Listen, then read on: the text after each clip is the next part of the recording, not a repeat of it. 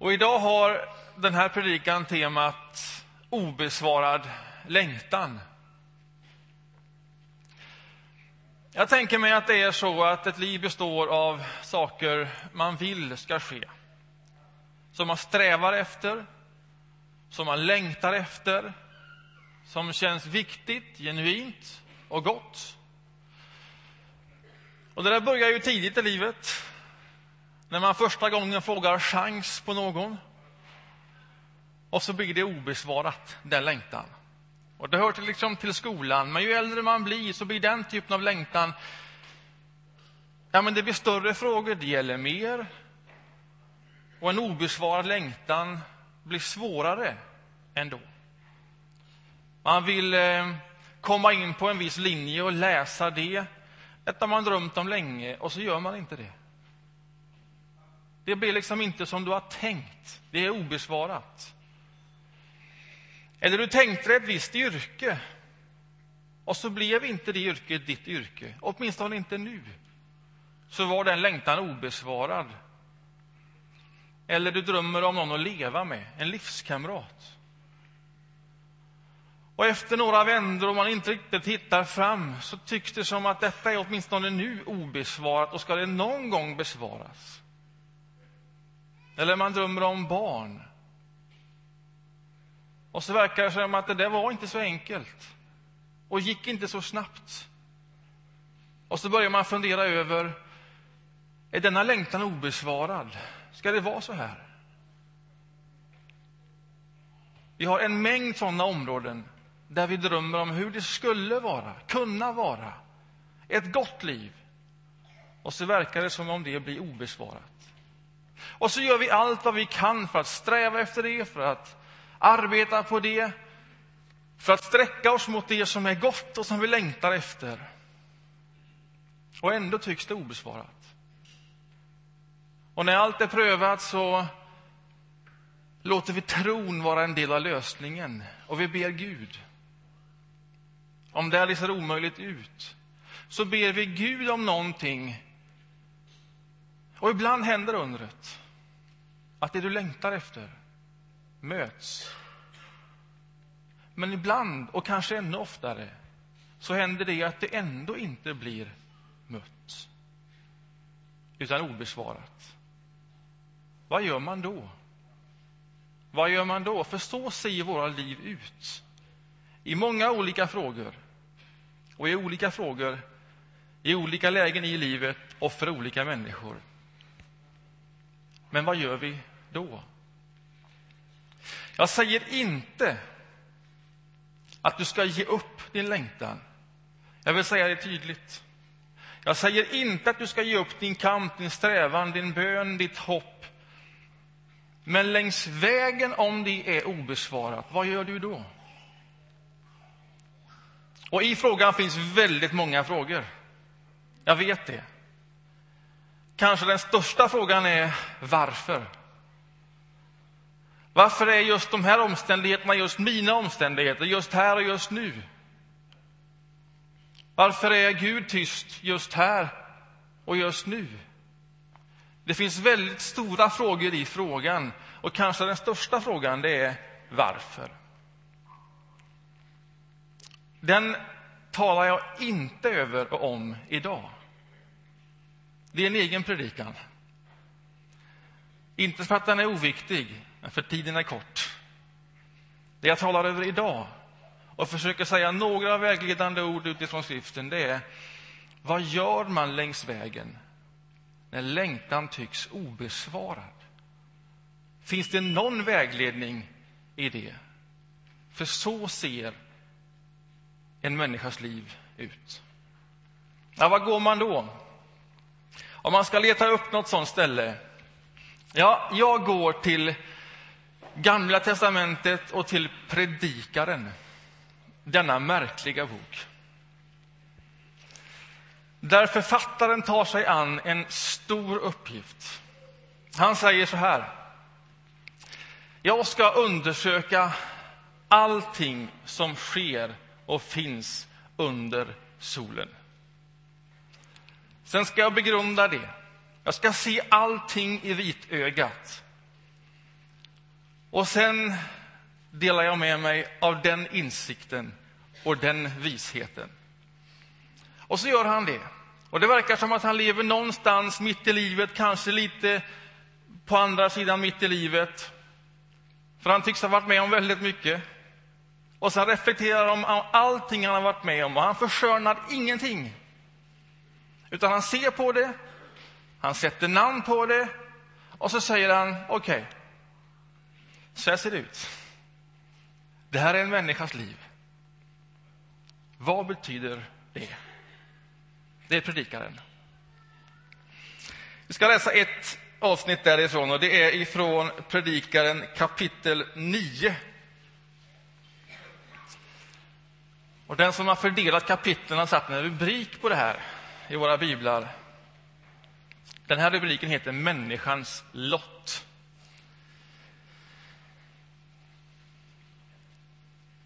Är du med? Allt detta har jag begrundat. Allt detta har jag insett. De rättfärdiga och de visa och allt vad de gör vilar i Guds hand. Om en människa går kärlek eller hat till mötes, det vet hon inte. Allt som väntar henne är tomhet. Samma öde drabbar alla. Den rättfärdige och den orättfärdige, den gode och den onde, den rene och den orene, den som offrar och den som inte offrar. Det går den gode och syndaren lika. Den som svär eden och den som vägrar, det är ett ont, det som sker under solen. Att alla går samma öde till mötes. Människornas hjärtan är fulla av ondska, dårskap bor i dem livet igenom. Och till sist ska de samlas till de döda.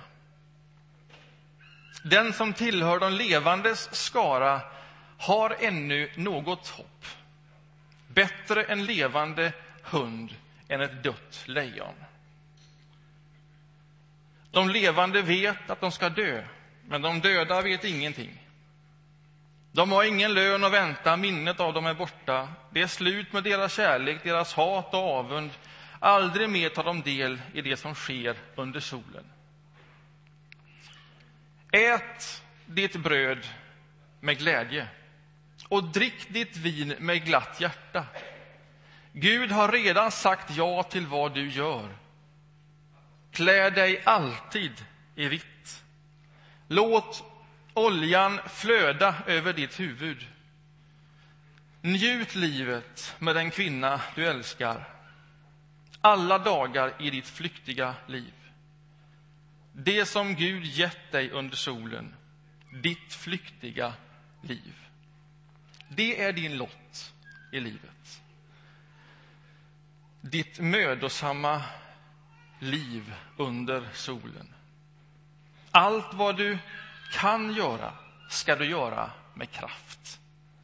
Ty i dödsriket dit du går finns varken handling eller mening, vetande eller vishet. Lite vatten på det.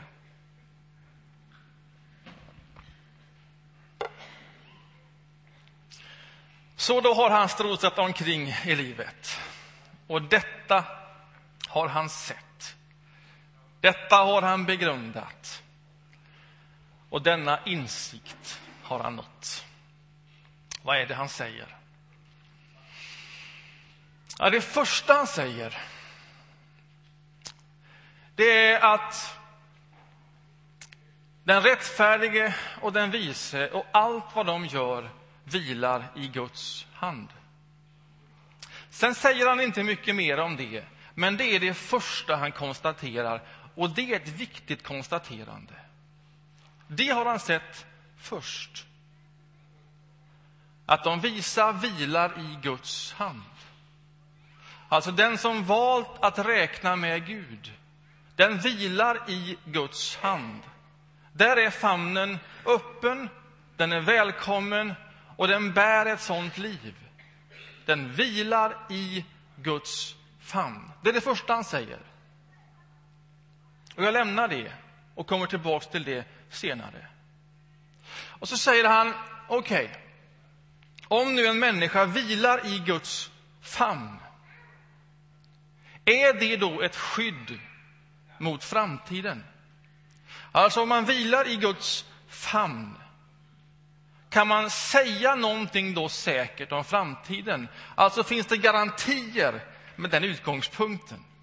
Alltså om man vilar i Guds famn, har man då ett skydd mot allt möjligt och ibland ont som kan hända en människa?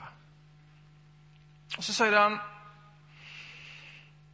när jag tittar ut över den här världen, när jag har undersökt allt som finns och händer under solen, då tycks det som om en människa lever i Guds hand och om en människa väljer att inte göra det, utan gå en egen väg. Han kallar det för rättfärdig, orättfärdig, ren, oren, ond, god. Han kontrasterar två sätt, två utgångspunkter. Så säger han, oavsett utgångspunkt, så vet du ingenting om framtiden. Ja, mer än så. Det du vet är att samma öde drabbar alla människor. Utan urskiljning. Det finns ingenting i att vara i Guds hand som gör dig i en särställning när livet möter dig. Alla människor drabbas av samma sak. Och dessutom är det så att alla människor, de ska dö. Det är hans ljusa livssyn. Detta har han insett. Detta har han begrundat. Nu finns det en fördel om man fortfarande är i livet, säger han. Och den fördelen, det är att man vet att man ska dö. Och så säger han, det där är ingen dålig fördel. Därför att om man vet att man ska dö, så hjälper det en människa om man begrundar över det till insikt och vishet över vad man gör med det som faktiskt är. Och Det här är en tanke som går igen i predikaren, och inte bara där, utan i all vishetslitteratur i Bibeln. Man kan läsa Saltasalmerna, man kan läsa de salmerna som är tillskrivna Moses. 90, 91, 92, 93. Läs dem. Fantastiska salmer. Det är ett återkommande tema. Alltså, hur blir man en vis människa? Och då säger Moses, ja, man lever kanske 70 år, eller 80 år om krafterna står bi. Om det blir ett långt liv. Och så säger han, så lär oss då att betänka hur få våra dagar är så att en människas hjärta blir vist. Alltså insikten om att vi ska dö, om att det är ett kort liv, att det är ett flyktigt liv, om att samma öde drabbar alla, att ingen kan säga någonting säkert om sin egen framtid, hur lång den blir eller vad man möter i den. Att man begrundar över den insikten det gör en människa vis.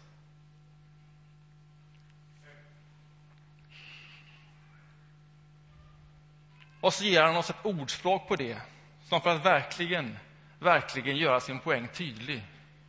Bättre en levande hund än ett dött lejon. Känns det klart? Han kastar in det för att verkligen säkerställa poängen. Alltså, man kan leva ett helt liv med blicken fäst på ett lejon. Ett lejon det är det vackraste av alla djur. Det är det ståtligaste, starkaste. Ett lejon rymmer allt av prakt. Ett lejon är fulländat i all sin arkitektur. Och alla ser, när man ser framåt, ett lejon. Så där skulle mitt liv kunna vara. Så där skulle det kunna se ut. Så där borde det se ut. Alla har ett lejon. Och det där lejonet får ibland så mycket tid, så mycket energi, så mycket kraft. Vi lägger all vår bästa energi på det som det borde ha varit, som det kunde ha varit, det vi längtar efter. Det är bara ett problem. Det är dött. Det finns inte. Och om man lägger all energi på det där så riskerar man att till sist inte riktigt se, ta vara på det som faktiskt är. Alltså, vad är en hund jämfört med ett lejon? Inte mycket.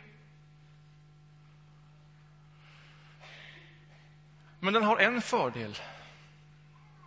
Den lever. Den finns. Den är där.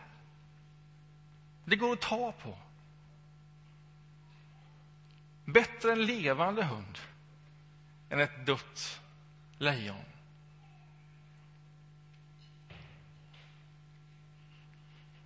Och därför säger han eh, Ät med glädje. Drick ett gott vin. Lev med den kvinna du älskar. Alltså alla de vardagliga uttrycken. Det som man tänker, detta är bara min egen vardag, det som återuppkommer varje dag, vecka, varje månad. Till sist ser man inte allt detta som finns, denna sketna hund, för man drömmer om ett lejon.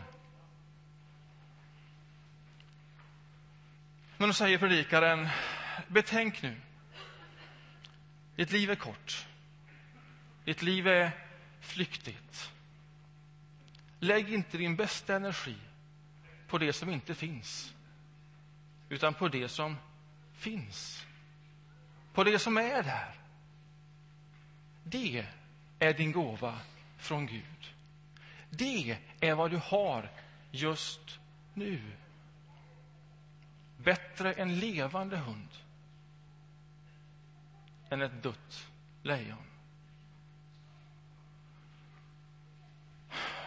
Vad är det där då? Vad betyder det? Det där är inte bara enkla ord. Är det det där gamla vanliga, det där glaset?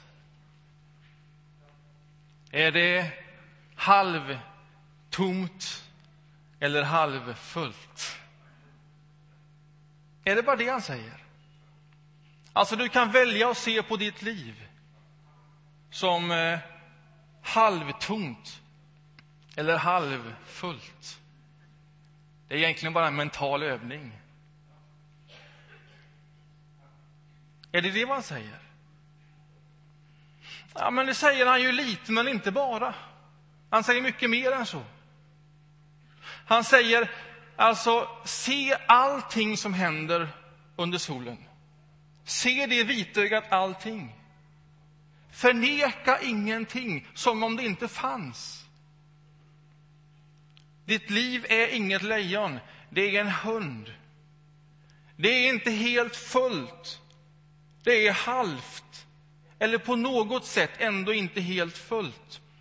Och det som inte finns, alltså det av längtan som fortfarande, eller åtminstone just nu, är obesvarat.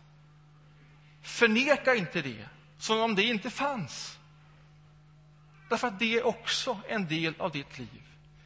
Och allting har sin tid. Också det behöver sin uppmärksamhet. Också det behöver sin sorg. Också det behöver sin omsorg. Men lägg inte all energi, åtminstone inte över ett liv, på ett lejon som inte finns. Utan se den lilla levande hunden som finns. Det som du kanske bara tar för givet, men som faktiskt finns. Ta emot det igen och igen som en gåva av Gud. Detta är vad du har. Och det du har där i, det har Gud redan bejakat. din vardag är bejakad. Allt det som den rymmer, den är bejakad av Gud. Så säger han en sak till. Oavsett hur mycket hund eller lejon det här glaset rymmer, oavsett hur mycket vatten det är i det här glaset, så är det i Guds hand. Och det finns ingenting av den här mängden av någonting som överhuvudtaget kan påverka att detta är i Guds hand. Det är i Guds hand. Det är där.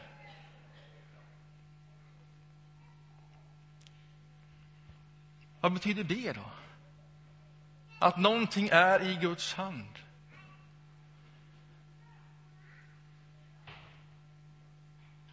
När man läser Gamla testamentet så kan man göra precis som vi gör nu. Vi läser det, vi lägger ut det, så här står det här. Och sen kan man, om man är en kyrka och har ett Nya testamente och en berättelse om Jesus med fördel läsa samma berättelse igen, men genom ett nytt ljus genom evangelierna och genom Jesus Kristus. Och då säger predikaren någonting mer, kanske än vad han själv vet när han skriver det. Men som vi kan säga någonting om, därför att vi har ett nytt ljus genom Jesus Kristus på det han säger. Så läser vi Gamla testamentet. Och han säger utöver att bejaka det som är, så säger han Klä dig i vitt varje dag. Och låt oljan flöda över ditt huvud.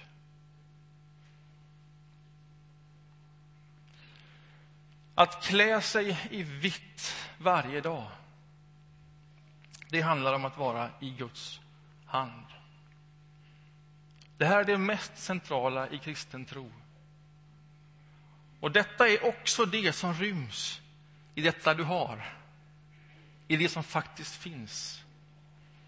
När Jesus Kristus kommer hit, när han dör och när alla tänker nu är allting slut, så visar det sig ändå att livet vinner och alla överraskas. Och av det som inte fanns någon möjlighet, i det som var helt stängt, öppnas en ny väg. Och han är garanten för det. Han är den första som gått den vägen, helt och fullt. Och sen säger han till den som vill leva i Guds hand, följ mig. Följ mig genom död och uppståndelse. Och det finns sätt som vi gör det handfast.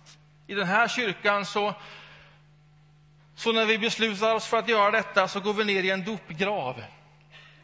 Och sen för att liksom få detta i kroppen så dör vi med honom. Och sen uppstår vi till ett nytt liv, en ny skapelse. Det finns många uttryck för det. Och genom hela kyrkans historia så har man, när man har gått med honom genom död och uppståndelse och uppstår till ett nytt liv, en ny skapelse, iklätt en människa i en vit dräkt. Därför att nu är någonting nytt. Du är en ny människa i Kristus. Du är inte ny hundra procent, allting är inte genomlevt och genomsyrat, men någonting nytt har spirat. Och du är del av det nya. Klä dig i vitt varje dag. Påminn dig om det. En del av din längtan, en fundamental del, är besvarad. Klä dig i vitt varje dag. Vi gör det åtminstone varje vecka här i vår gudstjänst. När vi påminns om det mest centrala, hur Kristus dör och uppstår. Hans bröd, kropp och blod, bröd och vin symboliserar det. Och vi tar emot det. Vi tuggar det i oss. Vi klär oss i vitt igen. Men det är inte bara historia. Det är inte bara att minnas.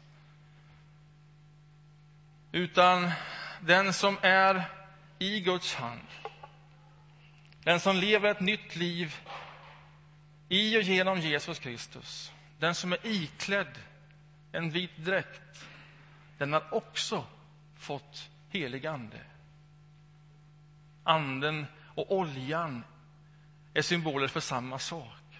Ofta är det så i Gamla testamentet, när någon smörjs med olja så följs det av en beskrivning och den helige Ande vakade över honom eller henne. Smörj ditt huvud med olja. Den heliga Ande är över ditt liv, i ditt liv. Och jag tänker mig, om du klär dig i vitt, om du påminner dig om det, om du låter den heliga Ande få plats, så kan det ge färg, inte bara över det vi har, vår levande hund, utan också över hur vi hanterar ett dött lejon. Det sätter färg på hela tillvaron istället för att det blir tvärtom. All energi på det som inte finns skuggar allting annat i livet. Här har Gud inte lämnat oss ensamma, utan det går att leva i hans hand så att det färgar, inte på ett enkelt sätt, men så att det färgar också det som är obesvarat. Nu. Nu. Ta emot det nya livet, bröd och vin. Och låt sen någon, när vi ber, få lägga handen på dig. På läktaren kanske, eller här. Och få be den enkla bön som vi ofta och gärna ber här. Kom, heligande. Jag har lärt mig leva med den bönen som ett beroende. Att när mycket fokus hamnar på det som inte är. Eller när man bara är trött och sliten eller inte vet hur allt sitter ihop att då bara få en hand och en bön om helig ande. Om att få bli mött i denna sin djupa längtan om att få vara och vila i Guds hand. Så gör det någonting över tid med allt i ett liv. Allt ändras inte, men allt får färg av det. Amen. Ska vi förena oss i en bön?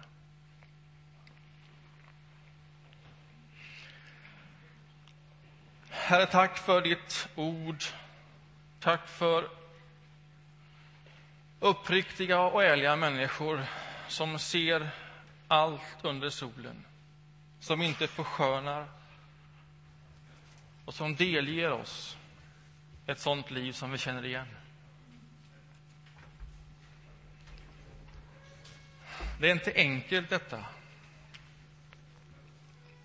när man står mitt i det som är obesvarat. Jag vet det och du vet det. Tack då att hur vårt liv än ser ut, hur mycket som är besvarat eller obesvarat av vår längtan, så finns det i din hand. Inte heller är det enkelt att alltid ta emot, tro på,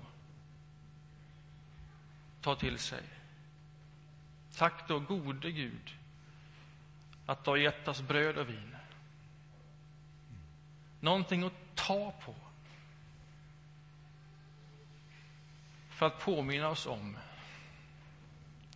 att våra kläder, ja, de är vita och kan vara vita. Och att vi inte är ensamma i detta, utan du, gode helige Ande, möter en längtan där den behöver bli mött. Amen.